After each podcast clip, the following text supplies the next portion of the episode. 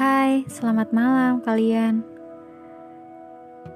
Kali ini aku mau curhat. Aku mau curhat tentang seseorang yang entah saat ini sedang apa. Kalian tahu siapa orangnya? Iya, dia orangnya. Kupikir ini waktunya aku untuk mendapatkanmu. Ternyata aku masih diberi waktu untuk menunggu. Ya, entah sampai kapan aku harus tetap menunggu. Hanya waktu yang bisa menyatakan tanpa kita harus mengutarakan. Jika memang kamu ditakdirkan untukku, tanpa kamu berkata, kita pasti akan bersama. Tenang,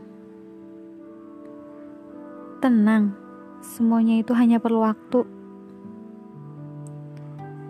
Ya, kita tak perlu susah payah untuk memikirkan yang memang tidak harus difikirkan. Ya karena ini soal kita dan waktu. Iya, waktu. Terkadang kau membuatku lupa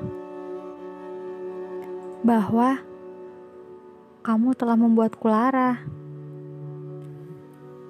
Aku hanya bisa berjalan sesuai alur yang seakan-akan sudah dibuat sebelumnya.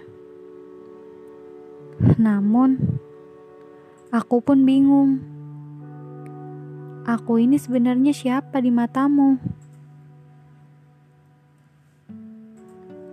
Aku ingin menanyakan sesuatu yang mestinya memang aku tanyakan.